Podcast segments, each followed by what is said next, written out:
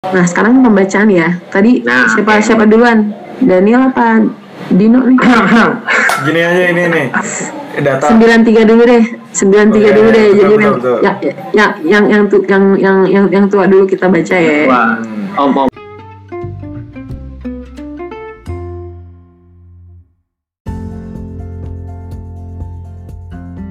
Din, lu, lu tentu tahu ya bahwa lu itu memiliki sun di Sagittarius. Oke. Ah, Jadi emang karakter lu itu lu punya kecenderungan untuk pengen terlihat berbeda dari orang lain. Gitu.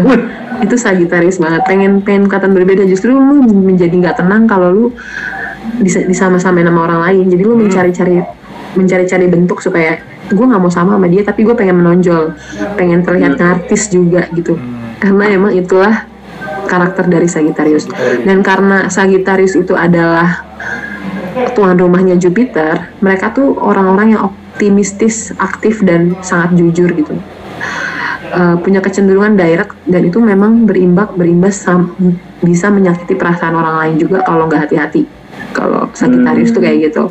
Tapi ini basic ya, basic. Artinya lu tidak lu tidak mungkin memiliki semua karakter ini.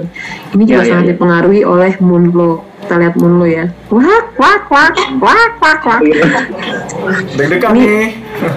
Ini moon, moon lo moon lo Libra ya, moon lo Libra. Iya. Ini menjelaskan kalau lu kenapa bisa main bareng sama orang-orang Libra karena kalian sama. Hmm. Moonnya kalian di Libra. Liberty suka keadilan tadi. Iya Ya, jadi di- ya, jadi di dalam diri lu tuh sebenarnya pengen pengen kehidupan yang sejahtera dengan adil.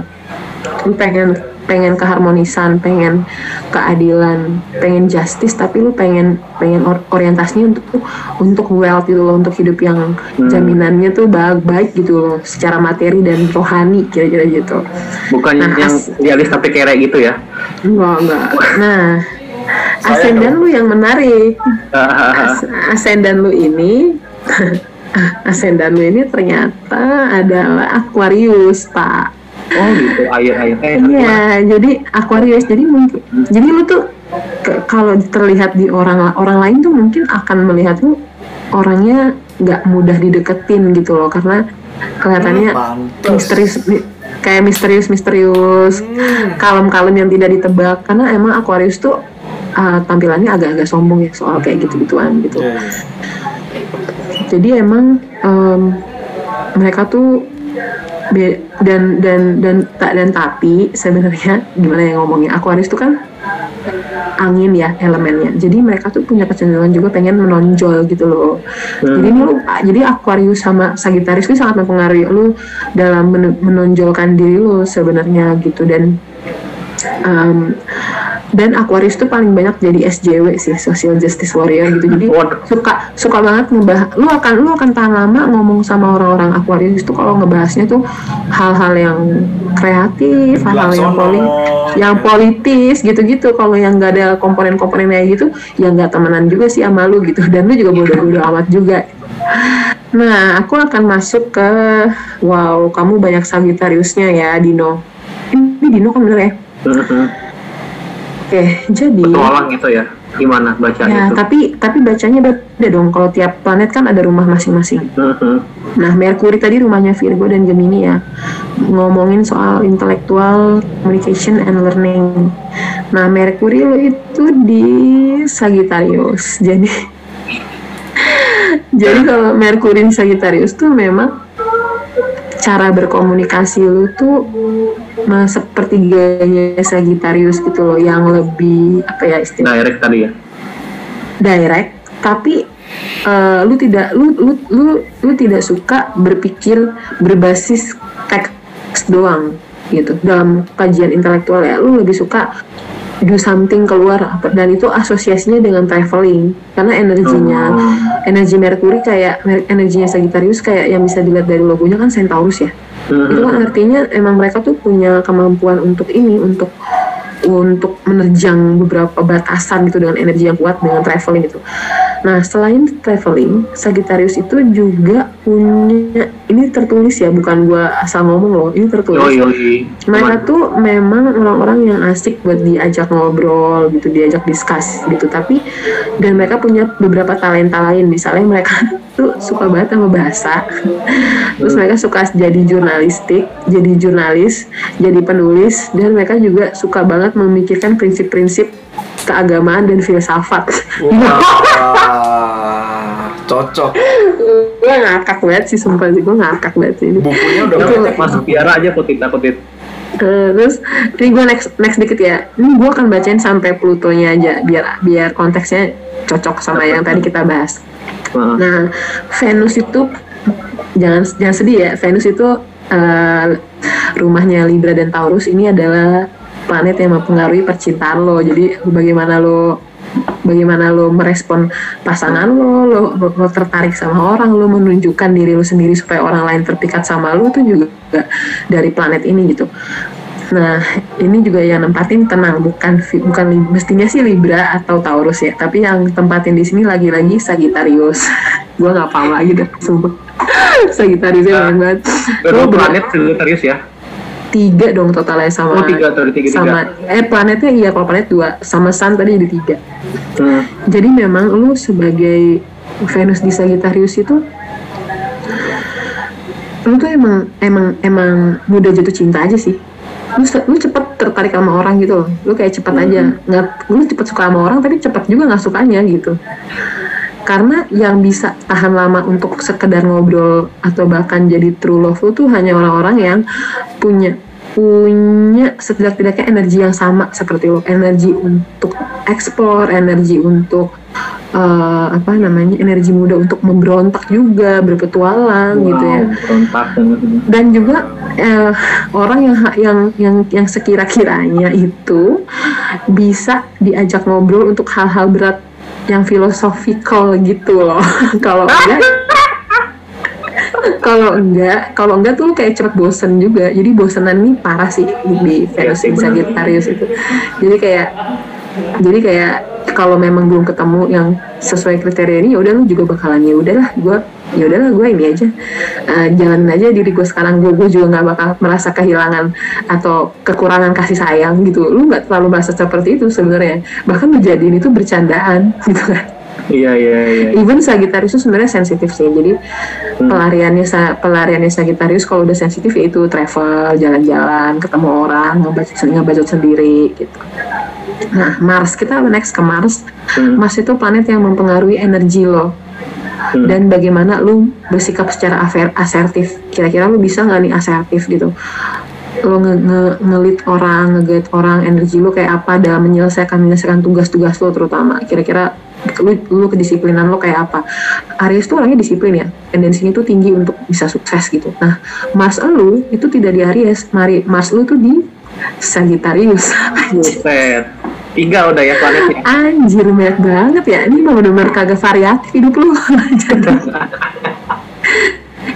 nah, jadi emang kalau uh, Sagittarius tuh karena mutable signs dan api emang uh, orang-orangnya ambisius gitu ya kayak tadi gue bilang pengen Hmm, hmm. pengen kaya pengen sukses gitu tapi juga kerap konsisten karena sukanya jalan-jalan nggak ini gitu tapi kelebihannya kalau lu punya Mars di Sagittarius tuh lu orangnya antusias jadi lu selalu punya antusiasme untuk belajar untuk mengeluarkan ide-ide lu melakukan apa pun gitu ya Eh, dan sebenarnya kalau dari ini tuh bisa sangat bagus kalau lu cukup punya teman yang sustain dalam menjalankan ini gitu.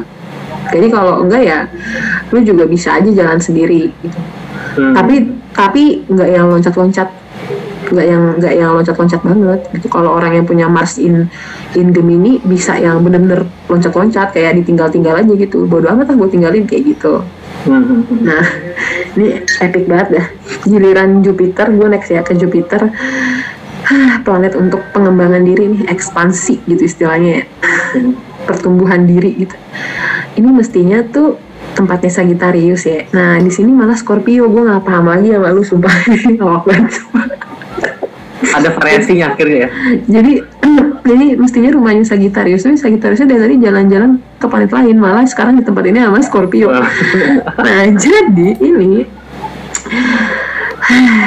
ini Capek ya Tit? Bacain orang. baca baca cok. Capek sebenarnya sumpah ngeliatinnya tuh kayak wah gila gila. Nah, aduh. minum dulu, minum dulu. ada ada tenang tenang. Wah ini parah nih. Jadi Jupiter di Scorpio nih gue kasih tau dulu ya. Scorpio itu zodiak paling jorok di antara semua zodiak konon ya. Jadi jorok Jorok banget kenapa ya Tit? konon ya libidonya tinggi banget. Kalau Scorpio tuh parah ya parah udah paling Oh. jorok. Pokoknya pokoknya ada di antara di antara 12 zodiak yang paling di, yang paling menerima diskriminasi dan paling buruk tuh Gemini sama Scorpio dengan asosiasi yang berbeda. Kalau Gemini itu player kalau Scorpio tuh istilah tanda kutipnya kayak PK gitu loh jadi Eh, jadi emang eh, emang eh. emang asosiasinya jelek jelek aja jadi Oh, lu iya. punya Jupiter di Scorpio nih gue ketawa ketawa aja pengen ngomong tapi nggak enak jadi kayak, Berarti kayak sangean gitu ya Bu ya.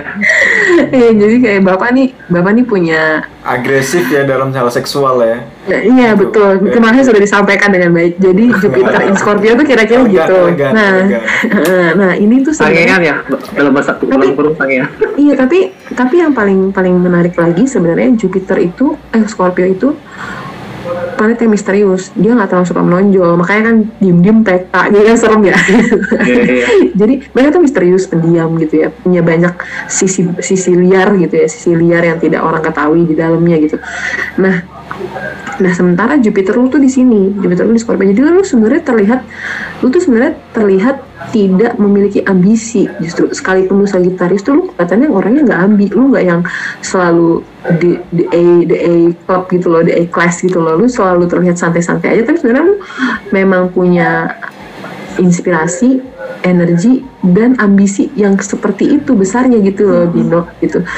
Cuma itu tidak terlihat, tidak termanifestasi karena gaya Scorpio yang seperti air gitu ya, menyerap ke dalam, itu tidak terlihat Hmm. kayak gitu. Jadi ini cukup cukup menarik ya gitu meskipun pada dan ini juga ada kata-kata filosofi lagi loh di sini tertulis gitu bahwa memang eh, lu juga hanya bisa membangkitkan energi lu energi ke Scorpio ini dengan misteri-misteri tadi kalau lu memiliki basis prinsip hidup atau filos, filos, filosofi yang powerful gitu yang men- men- mencapai ke kedalaman. Jadi ini perlu refleksi sih sebenarnya bagaimana supaya lu bisa mencapai sesuatu yang lo inginkan dengan baik gitu kira-kira. Ini enggak ini ini agak-agak kontradiktif sih soalnya. Hmm. Oke lanjut ya. Satur Saturnus. Saturnus itu namanya Capricorn. Itu adalah planet yang mengatur tentang cara kepemimpinan dan kedewasaan lo terus manajemen waktu gitu ya. Nah ini juga ini kocak nih. Lu kalau punya Saturnus di Capricorn Hmm. lu punya lu punya kecenderungan manajemen time manajemen lu tuh bagus kayak gitu gitu ya. Terus lu bisa mendevelop orang dan mendevelop diri lu sendiri. Lu bisa jadi teacher yang strict dan pemimpin yang strict gitu. Tapi Saturnus lo ini di Aquarius. Aja ngakak lah gue jadi Aquarius tuh wants freedom dia nggak suka diatur-atur. Ini kontradiktif juga. Jadi lu memang pengen kebebasan instead of aturan gitu. Lu nggak suka diatur sebenarnya. Lu mak lu makan pengen kerja untuk hal-hal yang eh, menjamin otoritas dan kebebasan lu. Kalau nggak ada itu lu nggak mau lu nggak mau kerja. Intinya lu tuh yang orang-orang kayak lu nih bisa dibilang nggak bisa deh kerja di birokrat gitu. Kayak jadi PNS gitu udah udah pasti nggak bisa lu. Karena Iya, iya, iya. karena lu nggak lu lu nggak punya time management yang Hmm. strict gitu. Dan lu memang tidak terbiasa untuk itu. Di selain tidak terbiasa lu emang nggak bisa gitu. Lu memang perlu alam yang berbeda gitu. Hmm. terus kebalik nih Alam. Uranusnya mestinya di Aquarius. Nah, ini Uranus lu malah di Capricorn. Sementara Capricorn itu adalah eh, Uranus itu adalah planet yang planet yang mempengaruhi cara lu merevolusi merevolusi diri lu dan merevolusi orang lain cara lu melakukan transformasi terhadap diri lu gitu ya kira-kira Capricorn Nah ini mestinya rumahnya Aquarius, makanya mestinya energinya Aquarius yang freedom, mencari freedom, mencari kebebasan, mencari keadilan gitu. Nah punya lu malah Capricorn nih, kon ini ini ini tabrakan ya agak terabakan nih. Tapi pada tapi di sini menimbulkan ini ya istilahnya kontradiksinya gini. Lu pengen mengontrol orang lain dengan prinsip kebebasan, tapi lu sendiri sadar bahwa lu butuh aturan untuk melakukan itu. Jadi lu akhirnya dengan Uranus di Capricorn ini pada akhirnya lu tahu bahwa kalau lu mau mengontrol sesuatu terutama dalam politik, lu perlu bikin aturan hmm, hmm, hmm, gitu. Jatuhnya jadi jadi jatuhnya memang ada inkonsistensi ya karena dua planet ini ketukar Hmm, gitu. Jadi lu pada akhirnya memanfaatkan role itu untuk kebebasan. Itu itu itu kontradiktif kontradiktif banget. Padahal di saat lu lu tahu bahwa kebebasan itu tidak bisa di, di diselesaikan dengan role sebenarnya gitu loh. ya ya ya Nah, Neptunus ini kan juga ya rumahnya Pisces. Ini tuh mem- mempengaruhi spiritualitas lu sebenarnya. Cara lu berimajinasi, cara lu merefleksikan hidup, dan cara lo bangkit lagi dari kejatuhan lo gitu. Nah, kalau lu punya Neptune di Pisces tuh sebenarnya bagus. Nah, Neptune lu itu di Capricorn lagi, yang mana Capricorn tuh cardinal signs juga, sukanya mengatur-ngatur orang ya, dan mencintai kesempurnaan. Jadi Hmm. lu tuh orangnya tuh nggak bisa yang bener-bener spiritualis atau berimajinasi gitu loh Din. Lu tuh orangnya bener-bener rasional dengan Neptunus di di Capricorn. Karena Capricorn tuh tanah dia cardinal signs jadi dia tuh nggak bisa kalau lu nggak kalau lu nggak memberikan argumentasi yang cukup rasional gue nggak bakal bisa berefleksi.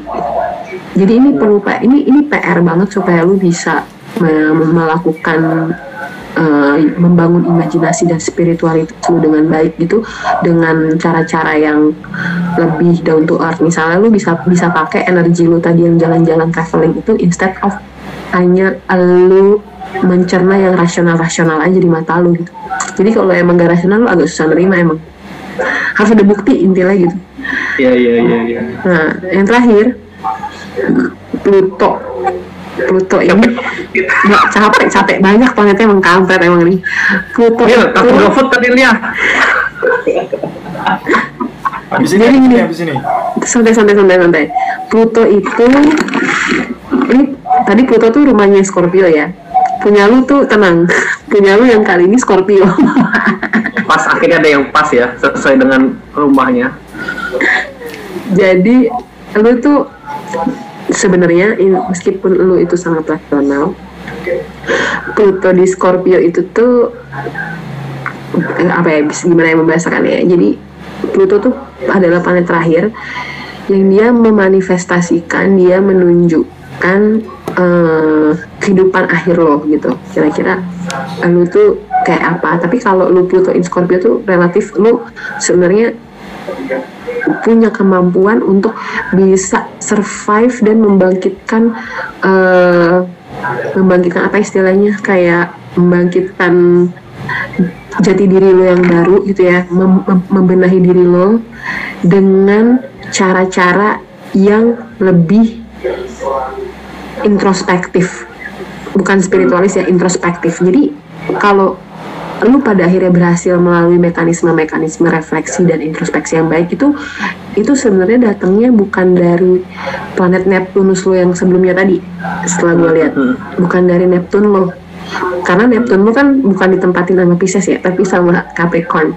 Tapi justru ketika lu ketika udah ketika bertemu Pluto di Scorpio ini gue bisa mengatakan bahwa di balik kerasionalitasan lo tadi, hobi lo yang jalan-jalan dan lain-lain sebagainya, lu tuh masih menyimpan ruang kecil yang tersisa dari diri lo itu untuk itu tadi, untuk bisa berkembang secara introspektif gitu. Jadi sebenarnya masih masih bisa sih, selama lu selama lu masih kayak gitu sebenarnya masih bisa gitu. Jadi lu manfaatin aja Pluto lu di Scorpio itu supaya bisa membantu lu dalam mengembangkan potensi-potensi dari diri lu dengan cara-cara yang lebih natural. Oh, natural bahasa benernya, natural. Ini emang agak-agak susah nih. Emang emang apa itu? Itu tuh eh, mengembangkan diri selain dengan natural tuh apa buruk itu? Maksudnya apakah dipaksakan selain natural tuh apa ada lagi gitu? Sehingga Ini tuh, jadi ini apa maksudnya itu jangan sampai kita ter, jangan sampai kita mengembangkan diri secara paksa tuh kayak gimana tuh? Jadi tuh kalau beberapa Pluto yang beberapa Pluto jadi ini Pluto itu kecil bungsu tapi dia punya energi mentransformasi. Jadi lu sangat tergantung dari nih planet. Kalau lu punya planet Plutonya tetap di Scorpio artinya lu tuh sebenarnya bisa kok tetap eh, secara ber, secara berkelanjutan lu mentransformasi diri lu lebih baik lebih baik lebih baik tuh bisa. Asal lu melakukan mekanisme tadi. Lu lu introspeksi dulu. Si refleksi gitu. terus lu terus lu mem- membangun membangun hal-hal baru gitu ya. Power membangun power bertransformasi lu merusak yang lama membangun yang baru itu ada. Transformasi energi itu ada pada satu Scorpio. Dengan cara-cara yang tadi cara-cara Scorpio tadi ya yang penuh misteri penuh spiritualitas penuh apa namanya introspeksi refleksi gitu. Tapi kalau misalnya Pluto lu let's say ya Pluto lu di Virgo kayak Habib Rizik misalnya atau Anies Baswedan itu Plutonya di situ. Nah, Pluto di Virgo itu jatuhnya apalagi kalau di Neptunus dan lain-lain di atasnya itu ya itu nggak nggak sama semua gitu ya. Itu orangnya akan punya kecenderungan jatuhnya kalau mentransformasi diri dan orang lain tuh dia memakai cara-cara yang rasional dan dan jatuhnya memang dalam tanda kutip dipaksakan. Bahkan jadinya ma- manipulatif gitu loh. Itu itu itu pembacaan gue sih. Jadi bisa pakai cara-cara manipulatif bang akhirnya mendestruksi orang lain gitu buruk dan merusak orang lain Contohnya Kalau- gimana tuh Tin? kalau ini dulu pernah gue tulis sih di Instagram gue kayak kalau Pluto di Virgo itu itu kan ini kan kaitannya sama pembangunan power mentransformasi diri orang lain dan spiritual lu ke internal lu kalau Pluto lu di Virgo misalnya kayak H- kayak HRS gitu ya itu dia punya kecenderungan bahkan dia punya kecenderungan dia tidak terlalu percaya pada agama sebenarnya ini tuh ini tuh Hmm. pas gue baca lain itu tuh gue ketawa sih kayak? H- ini HR, HRS HRS as, a- as an example ya Hmm. ini HRS tuh Plutonya di Plutonya di Virgo. Terus itu tuh ditulisnya gini kalau lu punya Pluto di Virgo lu tuh punya kecenderungan yang sangat rasional dan lu bisa aja nggak percaya sama agama atau keyakinan gitu.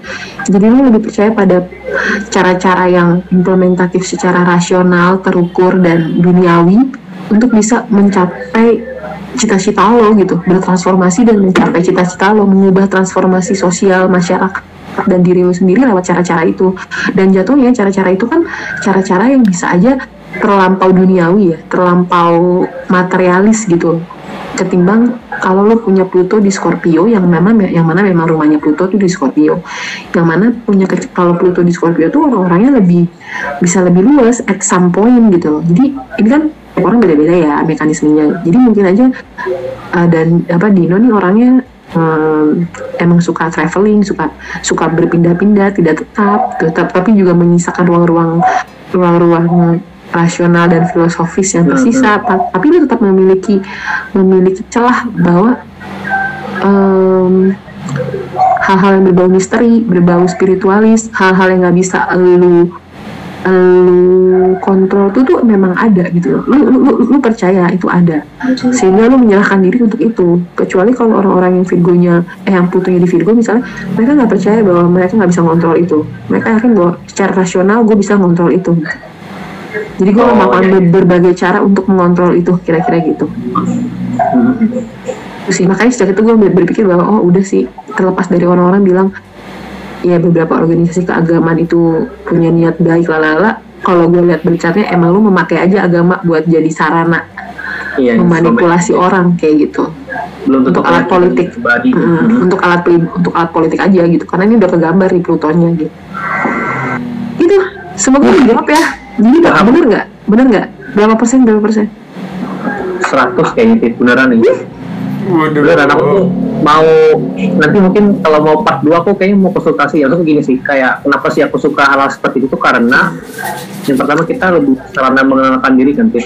Nah, ya, sarana betul mengenalkan betul betul betul dan kedua kita memaksimalkan potensi ketiga kita mengurangi dampak apa tadi kehancuran lah ya atau dampak Ya, buruk orang lain destruktif destruktif kalau ke dia Iya. sendiri dan orang lain Mitigasi Iya, bencana.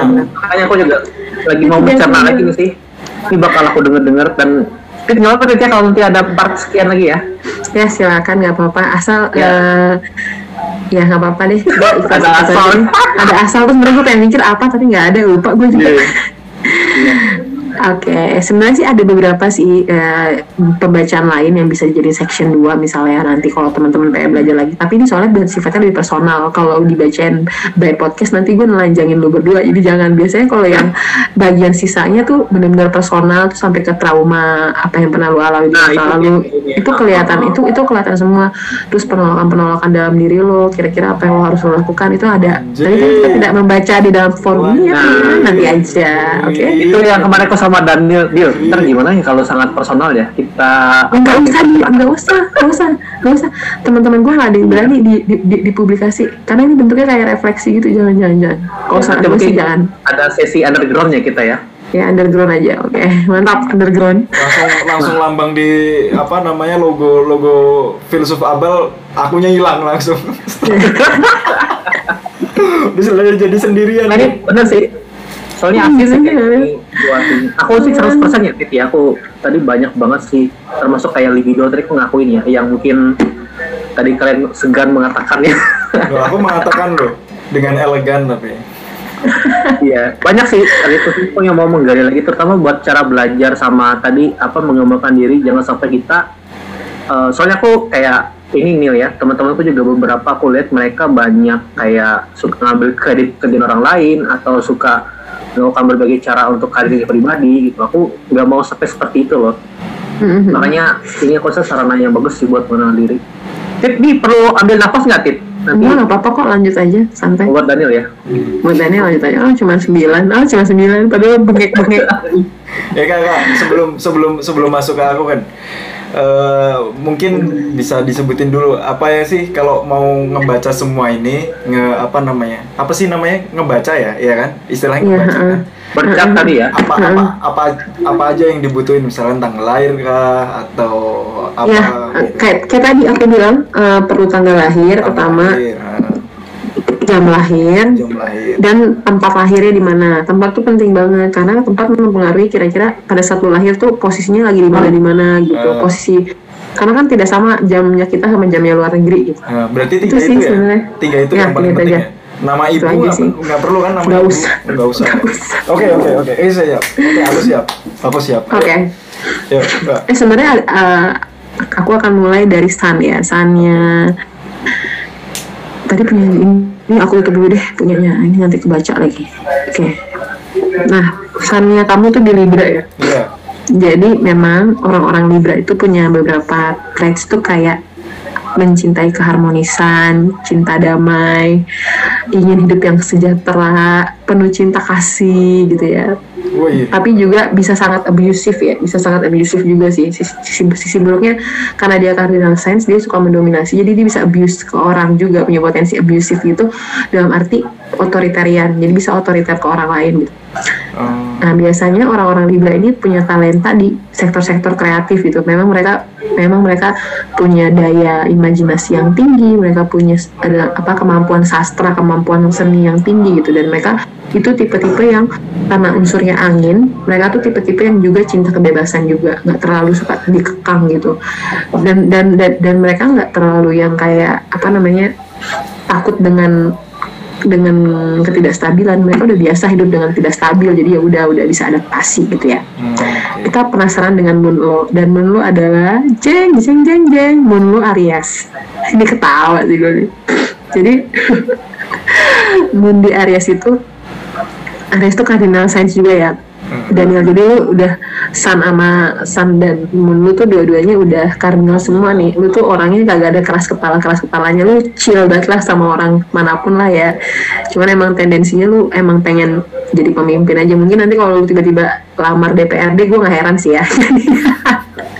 Knows ya pak?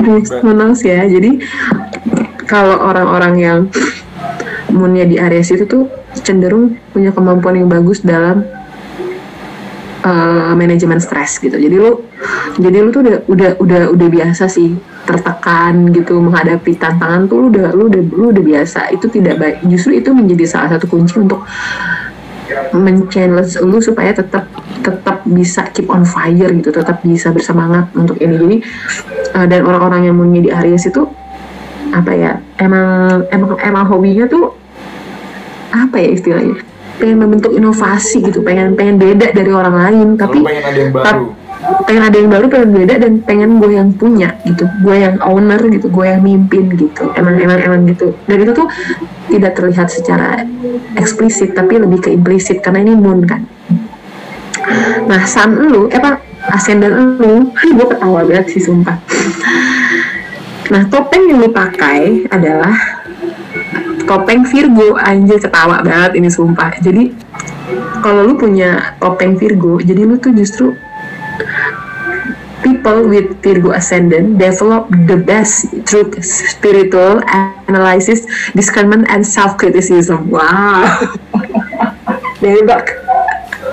Jadi lu menampilkan ke orang lain itu gaya gaya gaya, gaya Virgo yang reflektif, yang penuh daya kritis gitu ya, analitis gitu. Jadi orang tuh dan, itu membuat lu tuh selalu mencari kesempurnaan melalui uh, cara-cara itu, secara rasional maupun cara-cara yang lebih uh, introspektif gitu. Jadi orang lihatnya Daniel tuh emang pinter banget gitu. Emang emang lu tuh udah menampilkan diri lu tuh pintar jadi lu emang emang emang emang emang punya punya apa ya punya nggak tahu apakah lu sadar dengan topeng lu ini tapi ini berpengaruh ke kepribadian lu saat lu berdinamika dengan orang lain. Jadi mungkin dosen-dosen lo guru-guru lo tuh akan mengecap lu tuh sebagai anak-anak pinter anak-anak kesayangan gitu loh yang bisa diandalkan di segala situasi kira-kira gitu. Tapi itu buat cuma buat topeng atau sebenarnya kayak gitu itu doang? topeng itu, oh, itu itu- topeng, itu topeng ya? tapi topeng ya? itu topeng tapi itu a part of your uh, personal traits gitu sih jadi itu emang emang karakter lo gitu tapi itu sebenarnya topeng lo aja gitu Hmm. motivasi dasar lu tuh ya mun lu tadi motivasi dasar lu tuh mun lu tuh ya tadi mun lu tuh pengennya pengen menjadi owner sesuatu gitu pengen pengen punya sesuatu membangun sesuatu memimpin sesuatu. Tapi cara lo tampilkan itu dengan cara-cara intelektual tadi. Emang nih nyaru banget nih. Mbak, ini politisi banget nih. Nah Mer Merkuri lo ini Merkuri lo nggak sama juga sih. Merkuri lo tuh sama kayak Merkurinya Dino. Makanya kalian cocok.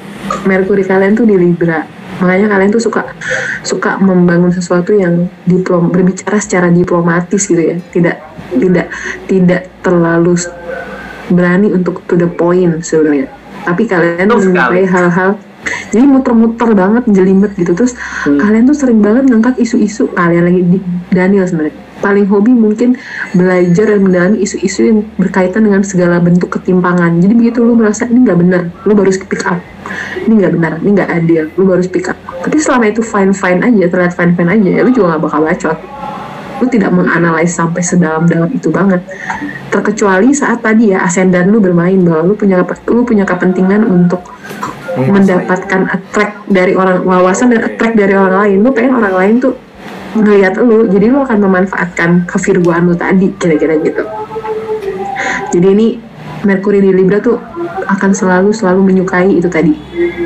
Em, keadilan. keadilan dan keadilan. Dan intinya tapi mereka punya punya punya ini sih punya punya talenta yang sama di bidang menulis di bidang seni di bidang macam-macam yang berbau sastra juga terutama. Nah dia menang vokalis dulu tit oh pantesan.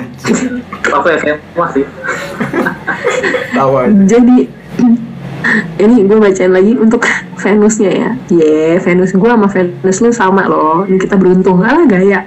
Jadi Venus itu rumahnya Libra ya rumahnya Libra dan Taurus. Dan selamat karena Venus lu di Libra. Venus gue juga di Libra. Yes jadi jadi orang-orang yang punya Venus di Libra itu punya keberuntungan karena rumah dan planetnya sama. Jadi lu tuh tipe-tipe yang sensitif gitu jadi lu pengen pasangan lu eh lu memperlakukan pasangan lu tuh dengan sangat sensitif ya dengan sangat loving sensitive gitu loving Treat like queen. Iya, uh, treat them like a queen gitu ya. Terus um, emang bucin, emang bucin juga parah sih. Emang si Venus Libra tuh emang bucin parah, parah bucin. Kalau udah bucin, bucin parah ya. Kayak setia, setia banget, cinta, cinta banget. Norak, norak dah bodo amat gitu ya. Jadi se- segitunya kalau udah jatuh cinta gitu. Tapi punya kecenderungan Venus in Libra itu ya memang lebih ini ya, lebih lebih loyal gitu karena emang lu menghargai nilai-nilai dari hubungan itu sendiri gitu. Lu nggak yang kayak kita compare ke Dino yang Sagittarius yang punya kecenderungan ya kalau memang udah nggak cocok ya udah cabut aja kita gitu. Jadi kalau lu punya Venus in Libra tuh lu menghargai itu menghargai hubungan-hubungan itu dan menjaganya dengan baik gitu. Lu, lu pengen lu pengen hubungan yang baik dan abadi. Jijik. Tapi gue juga sama sih kita Venusnya sama soalnya. Nah ini Mars. Ya Allah ini Marsnya lu sama lu kayaknya Marsnya oh nggak beda deh.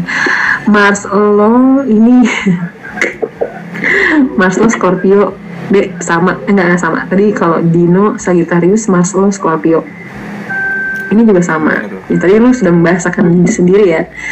Kecenderungan seksualnya tinggi. Jadi kalau Mars di Scorpio juga sama nih. Jadi punya kecenderungan itu juga sebenarnya sih. Binal ya, binal. Binal, binal banget ini. Ini udah binal banget nih kalau dilihat di Mars lagi masya ampun deh. Nah tapi tapi tapi artinya Scorpio itu kan keras kepala ya fix signs gitu. Jadi kalau lu punya Mars di Scorpio, memang lu punya kecenderungan untuk lebih pasif agresif jatuhnya. At some point kalau lu lagi tertekan, energi lu tuh bisa jadi pasif agresif ke orang lain. Jadi ini destruktifnya di situ. Sisi-sisi destruktifnya di situ. Lu nggak marah-marah yang lebay gitu. Kalau Mas di Aries tuh biasanya salah satu kelebihannya kalau udah marah marahnya langsung terang-terangan gitu kan. Karena dia punya energi untuk itu gitu. Punya asertif untuk itu. Nah sementara Mars di Scorpio tuh asertifnya tuh pakai cara pasif agresif jadi jatuhnya nyindir nyindir ngomel-ngomel sendiri. Dan itu tuh nyakitin gitu loh. Itu nyakitin banget kalau kalau mendingan orang yang Mars di Aries yang sekalian langsung ngegas gitu kan kita selesai selesai ngegas gitu ya. Tapi kalau Scorpio ini udah enggak udah pasif agresif itu orang yang salah diinget tuh sama dia tuh diinget banget wah sih itu pernah salah sama gue nih besok besok gue mau lagi kerja sama dia terutama ini berbasis pekerjaan ya kalau ber, berbasis relasi mungkin nggak terlalu berdampak tapi kalau buat pekerjaan buat lo nih matters jadi once dia bikin masalah lo akan inget nih orang pernah bikin masalah gue nggak mau sering-sering kerja sama dia gitu Nah, ini selamat ya Jupiter Bapak di Sagittarius. Jadi rumahnya sama. Jadi lu tadi Venus lu sama, Jupiter lu sama. Lu banyak keberuntungannya kayaknya Daniel. Jadi emang kalau Jupiter di Sagittarius itu memang lu akhirnya punya energi yang lebih dan people with Jupiter in Sagittarius identify themselves to some extent with this with this life philosophy. Life is what we make out of it. Jadi lu memang punya dasar prinsip filsafat dalam hidup lu adalah hidup adalah apa yang kita buat hari ini. Jadi lu harus terus pengen belajar, pengen terus traveling, pengen hidup hidup secara sederhana tapi terus mendapatkan Bermakna. keterisian hidup. Ya bermakna, Bermakna. bermakna. Hidup lu pengen bermakna secara sadar maupun dengan tidak sadar. Jadi lu punya lu tuh punya kayak intelligence systems gitu loh yang yang mana lu itu intelligence system lu tuh kayak mengontrol lu untuk tetap bisa eksis tetap ambisius punya kepercayaan diri dan mengontrol orang lain gitu. Ah, itu emang Jupiter in Sagittarius banget gitu. Mantep nih mantep nih. meaning, meaningful, be ini meaningful. Jijik banget sumpah nah Saturnus oh nih. Ini Saturnus tuh mestinya ini, ini ini kocak sih. Ini Saturnus tuh rumahnya Capricorn ya. Mestinya kan lu punya kemampuan untuk lebih otoriter membangun aturan membangun sistem gitu ya memiliki time management yang bagus. Nah, kalau tadi Dino nggak bisa time management karena dia di Aquarius kan, Aquarius cinta kebebasan.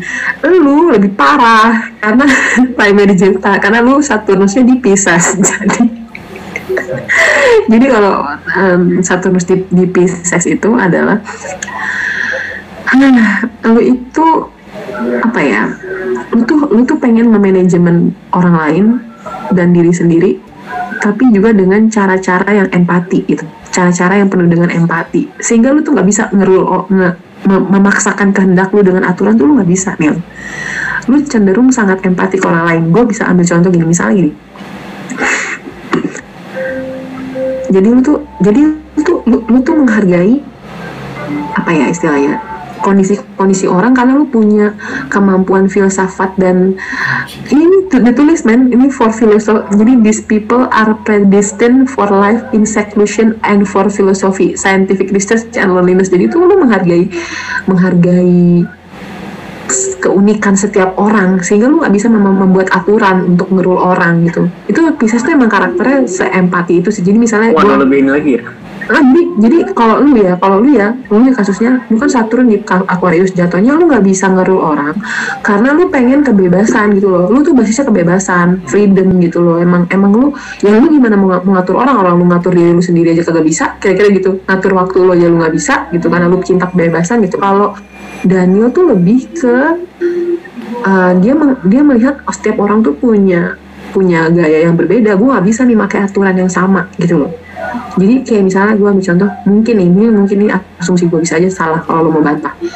Lu mungkin ketika jadi bos lu mungkin akan cenderung lebih lebih menghargai ketika perempuan mengalami menstruasi dan itu perempuan bilang bos saya mau bos saya mau minta cuti karena ini saya lagi haid misalnya. Gitu Hmm. bos-bos lain mungkin bilang ah di aturan ke kantor kita nggak nggak apa-apa kok gitu. Apalagi dan omni, omni, mungkin omnibus law nanti juga apa namanya membiarkan aja orang kalau head tetap kerja bodo amat misalnya gitu. Jadi secara landasan uh, aturan di negara ini nggak apa-apa gitu kan. Tapi lu secara sadar sebagai pemimpin lu akan bilang oh yaudah saya kasih kamu izin nggak apa-apa cuti gitu. Itu salah satu contoh. Jadi lu melihat karakteristik tiap orang secara empati gitu loh. Ya, ya. lu nggak bisa lo lo lo nggak bisa pakai aturan yang benar-benar keras tegas dan rut dan sangat eh, apa namanya otoritarian itu nggak bisa. Diskresi.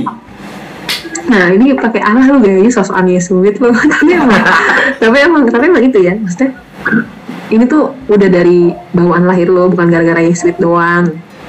Jadi emang ya lu se seempati itu. Nah ini juga kebalik nih Uranus ini kan mestinya mestinya tuh Uranusnya tuh di Aquarius tapi punya lo sama kayak Dino di Capricorn. Jadi lu cukup lu cukup kontradiktif nih pada pada satu titik ketika lu punya kepen- kepentingan dan kebutuhan untuk mengontrol orang lain ini misalnya membayangkanlah lu misalnya jadi pejabat publik atau lu pejabat pemerintahan pejabat perusahaan atau apa gitu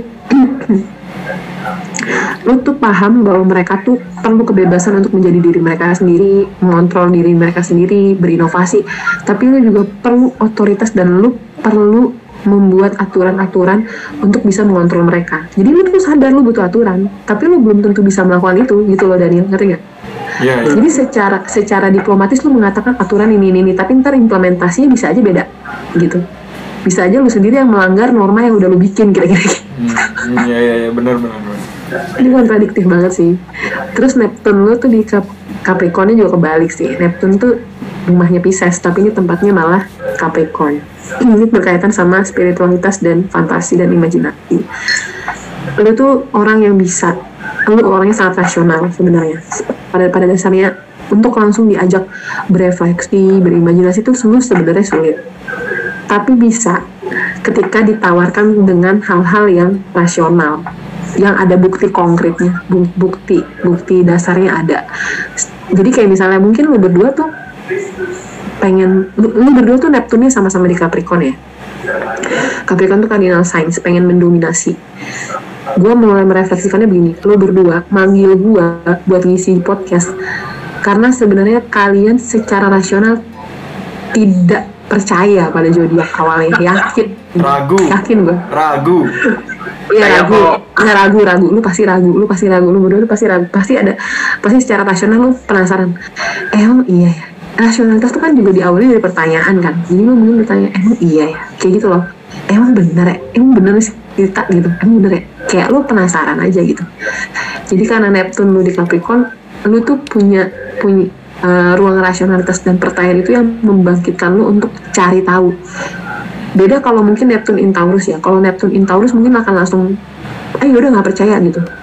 Yaudah aku nggak percaya gitu. Gue cuma butuh butuh butuh butuh bukti yang konkret. Kalau nggak konkret secara rasional ya udah gue nggak terima. Tapi kalau Neptune in Capricorn karena dia tendensinya ingin menguasai dalam hal ini menguasai juga ilmu dan kekayaan spiritual tentu lu juga jadi mau nggak mau pengen pengen tahu gitu. Pengen kecemplung pengen tahu pengen belajar supaya ikut memahami dan menguasai ilmu tersebut. Jadi menurut gue ini nih emang emang cocok sih. Kayaknya emang keraguan-raguan lu karena itu belum terlalu rasional ingin lu buktikan supaya mendapatkan eh, bukti-bukti konkret yang bisa lo yang yang bisa lo afirmasi gitu eh mau bener kok ini gitu.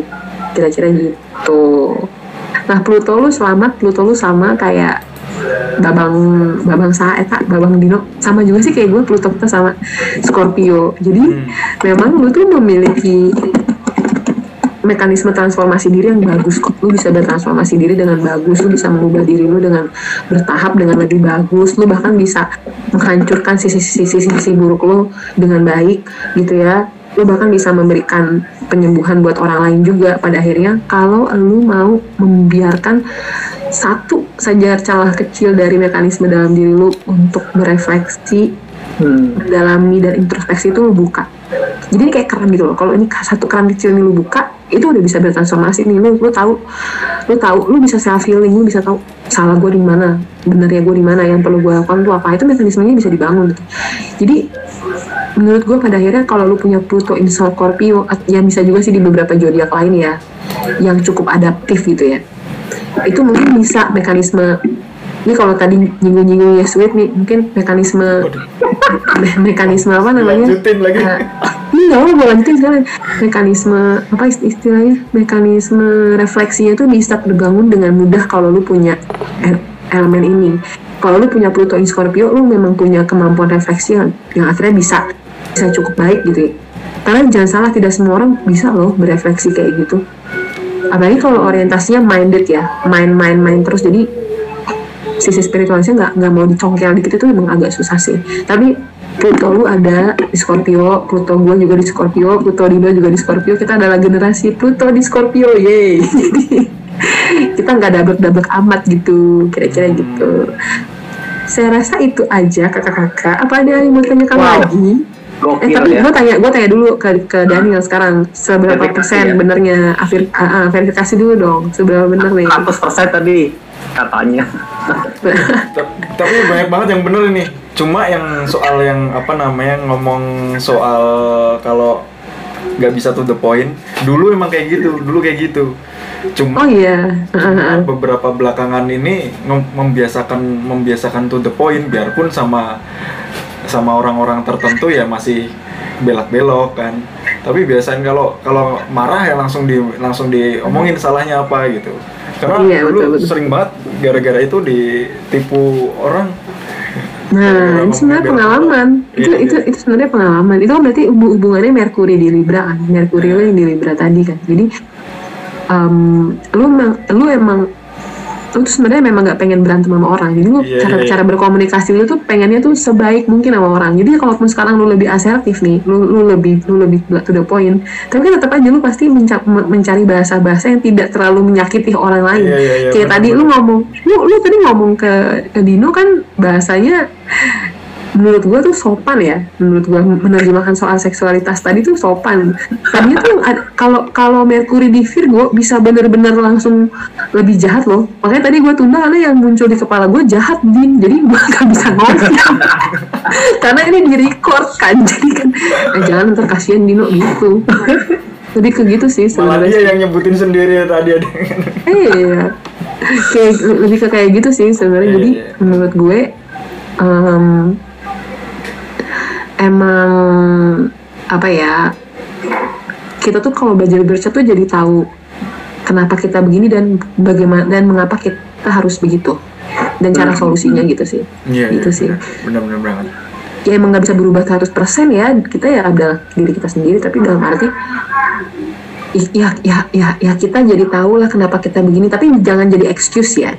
Ya, ya itu dia. Jangan sampai jadi excuse tuh kadang-kadang. jangan sampai jadi excuse. Hal-hal buruknya apalagi ya.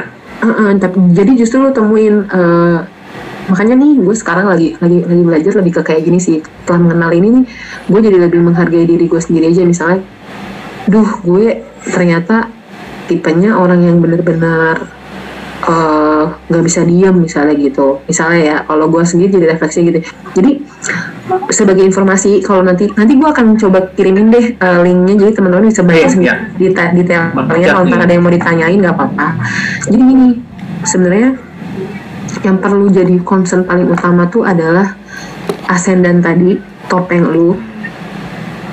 Karena topeng ini sangat berpengaruh banget ya buat orang lain gitu. Oh iya iya. Sun lu, moon lu, Merkuri lu, Venus lu, sama Mars dan Jupiter lu. sebenarnya Saturnus ke bawah tuh nggak terlalu penting-penting banget. Hmm. Kenapa? Karena Saturnus dari mulai Saturnus ini kan lebih ke eksternal, how you Ya. treat others gitu kan. Jadi tentang membuat aturan ke orang lain, tentang lu bagaimana menangkap refleksi-refleksi di sekitar lu gitu. Ya penting sih, tapi itu yang artinya atu, itu artinya hanya faktor eksternal aja. Faktor internal yang perlu lu kenalin tuh ya dari Sun, Ascendant sampai Jupiter tadi gitu sih. Hmm. Jadi kayak banyak kok banyak kok meme-meme atau template-template zodiak itu yang udah pakai birth chart itu udah bisa langsung mengasosiasikan misalnya kayak Sun itu berbicara tentang who I am. Ya. Ya, terus Moon itu uh, what I feel gitu. Terus kalau Mercury what I think gitu. Hmm. Terus kalau Venus uh, what I love gitu atau who I love gitu ya. Terus kalau Mars itu kayak how I express myself gitu. Jadi kayak gimana lo mengekspresikan dan menunjukkan diri lo dalam aktivitas sehari-hari lo, energi lo kayak apa. Terus Jupiter tuh kayak uh, how I develop gitu. Kayak bagaimana lo ingin mengembangkan diri lo gitu. Lo, lo pengen mengembangkan diri lo tuh pakai apa? Pakai apa? Jadi kalau lo masukin rumus-rumusnya itu bisa jadi satu kalimat-kalimat yang lo baca-baca aja kira-kira bener atau enggak gitu. Kadang-kadang itu jadi ya bener juga sih gitu. Eh bener juga ya emang gue kayak gini deh gitu. Tapi artinya zodiak memahami bercerita itu mematahkan anggapan bahwa eh ini ini mematahkan anggapan bahwa kita itu hanya terpaku pada Satu aja. satu zodiak saja dan kita jadi maniak sama itu. Kalau Ya, ya. sempat diceritakan disinggung sama Dino dulu Barnum efeknya itu ya Barnum efeknya Mhm. kenapa kita jadi mengasosiasikan diri kita terhadap sesuatu hal terus kayak gue banget nih gitu. Eh gue tuh ini banget nih. Eh lu tuh ini banget gitu. Apaan sih kayak pengen gue tabok? Sekarang ah gak gitu lah gitu. Karena gue udah mulai nggak kayak gitu sih udah lama. Udah lama gue nggak kayak gitu dan gue juga mulai memutuskan ah, gue nggak mau terlalu yang kayak eh gue nggak mau yang terlalu kayak gue nih Virgo banget gitu. Atau gue nih Libra banget gitu. Nggak ada kayak gitu. Bahkan ketika ketika tadi lihat zodiaknya da Daniel misalnya Libra tuh harusnya punya kemampuan yang bagus untuk membuat aturan. Tapi gara-gara lu punya Saturn in Pisces lu bahkan lebih cenderung untuk ini lebih cenderung untuk adaptif dan empati gitu. Basisnya Ya, ya, bahkan empati. Betul, betul yang tadi basisnya empati. itu. Instead of instead of uh, equality lu lebih ke empati gitu. Jadi lu empati sama orang makanya lu nggak bisa kayak gitu. Bukan karena bukan karena semata-mata lu pengen adil aja. Kalau mau adil ya bapak-bapak flu dikit juga lu kasih. Libur kan nggak mungkin. Kan nggak mungkin kan beda gitu. Hmm. itu sih itu sih sebenarnya. Jadi coba aja didalamin dari itu. Nanti teman-teman yang lain ini bisa diakses di Google. Banyak banget astro charts itu dicari di Google. Nanti itu bisa dipakai untuk untuk bahan pembacaan di diri sendiri aja dulu sebelum ngebacain orang lain gitu sih. Terus jadi lu bisa pasang alarm-alarm. Ketika lu udah mulai galau itu berarti coba lu lihat mekani um, moon mekanismenya lagi kayak apa tuh. Moon tuh feel banget soalnya how you feel banget. Gitu. Oke, ramai banget sih sama kita. Kita aja sampai menghela nafas berkali-kali nih ya. Kayak ini tuh kalau aku tipe Saking Aku tipe orangnya. hasilnya. Iya, aku tipe orang yang refleksi dengan cara kayak gini sih, Tip. ngobrol, diskusi sama teman-teman gitu. Eh, good, bagus kalau udah nemuin caranya. Kan emang lagi Iya. traveling, harus energinya Yoi. ketemu orang, gak bisa Ini sendiri. travelingnya online. Nggak, gue gue soalnya moon, moon gue sama kayak lu coy. Moon, jadi Oh, kita, ber- iya. kita kita bertiga di sini beririsan. Jadi lu tadi apa? Lu tadi Sagittarius, Libra sama Aquarius ya. Hmm, hmm. Dan Dino tadi Virgo, Libra sama Aries ya kan. Tiga-tiga besarnya aja nih. Gue gue Virgo, Sagittarius, Libra. Jadi gue ada di dua kali. iya ya, rangkumannya Ngakak nggak? Ngakak kan, ngakak banget. Banyak irisannya. Ini kita, kita tuh dipertemukan dengan banyak-banyak irisan ini. Jadi Oh. orang melihat tampilan gue misalnya Libra ya orang lihatnya gue ya otor- otoritarian gitu kan kelihatannya suka ngerul galak gitu padahal aslinya aku moon apa moon aku Sagittarius aku cuma pengen jalan-jalan aja kayak Dino nih bikin-bikin Iya. YouTube ngobrol-ngobrol bikin-bikin mosi yang pengen berdinamika sama orang gitu.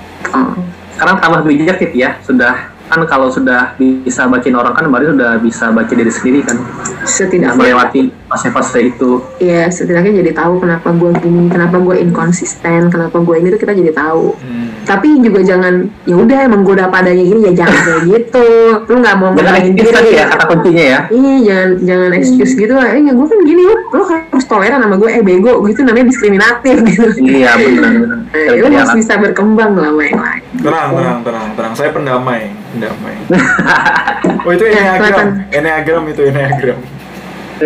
Oh belajar enneagram juga tapi coba dibu- dibuat ya sesi sendiri tersendiri nanti enneagram. Bisa. nanti aku ini Seru seru. Iya, kita sempat dulu. Aku sama Tita juga belajar loh. Aku sama Titanya belajar ya. Makanya kita akan mungkin enneagram lagi ya, Tit ya.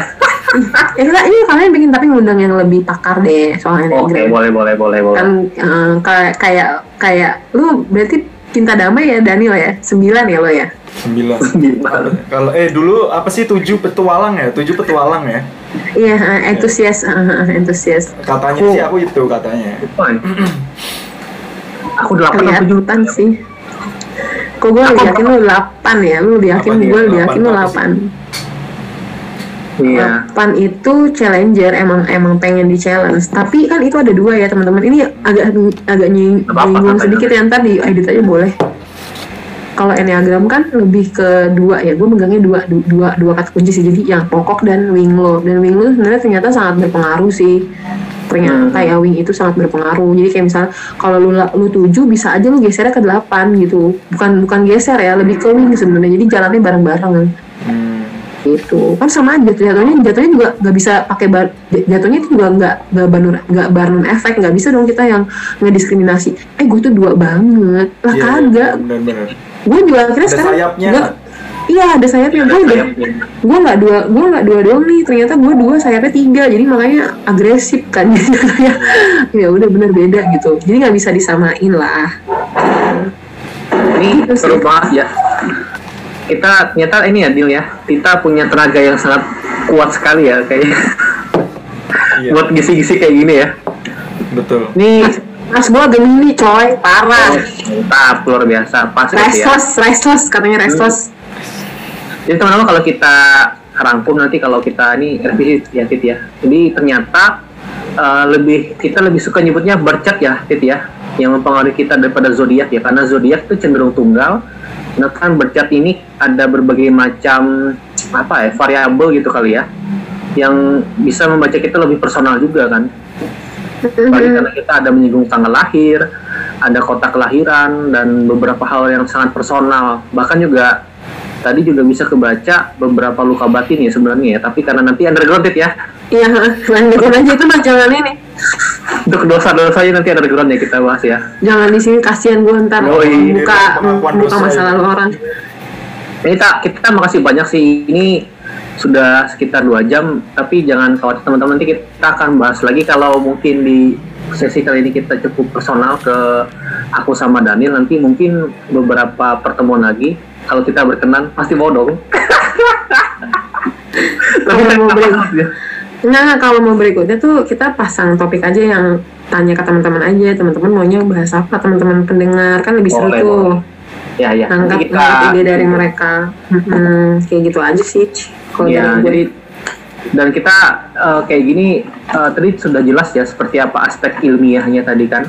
Cara pembacaannya juga ada kaidah keilmuan dan metodenya lagi. Jadi ini bisa juga dipakai buat teman-teman yang jadi ini enggak ini tidak bukan hal yang mistis, bukan hal cocokologi sih. gitu. Ada Enggak ada sih. ya itu. Jadi kayaknya juga penting sih. Juga nanti mungkin bisa ngobrol sama Tita gimana sih anak muda sekarang tuh juga punya ketertarikan yang seperti ini kan bukan hanya zodiak gitu ya, ada enneagram, ada tarot, Iya. banyak betul. lupa lah nanti Betul sekali, betul sekali, betul. Kan. Oke jadi teman-teman terima kasih sudah mau dengar kita satu setengah jam ini kita akan jadikan beberapa babak nanti. Semoga Tita mau lagi ya. Kita Mau nggak ya? Mau nggak ya? Mau nggak ya? Mau nggak ya? Mau nggak ya? Mau nggak GoFood ya? nih dari dari nanti GoFood nih ya. Mau nggak ya? Mau yang enggak? Udah aja GoFood, GoFood loh. Luar biasa, ntar gue tagih beneran panik semua. Enggak dong. Gitu. Terima kasih buat teman-teman. Selamat hari libur nih, lagi libur kita waktu take videonya. Kalau nanti ada teman-teman ada request mau menyampaikan mau bahas apa dari aspeknya atau mungkin ada beberapa yang perlu diperjelas lagi, boleh chat ke Daniel Nil ya. Soalnya nanti punya juga dari Iya, Daniel. iya. Nanti biar DM ke aku lah. Iya DM ke Ya Gam, Daniel begitu. terima kasih ya filsuf-filsuf abal luar biasa Terima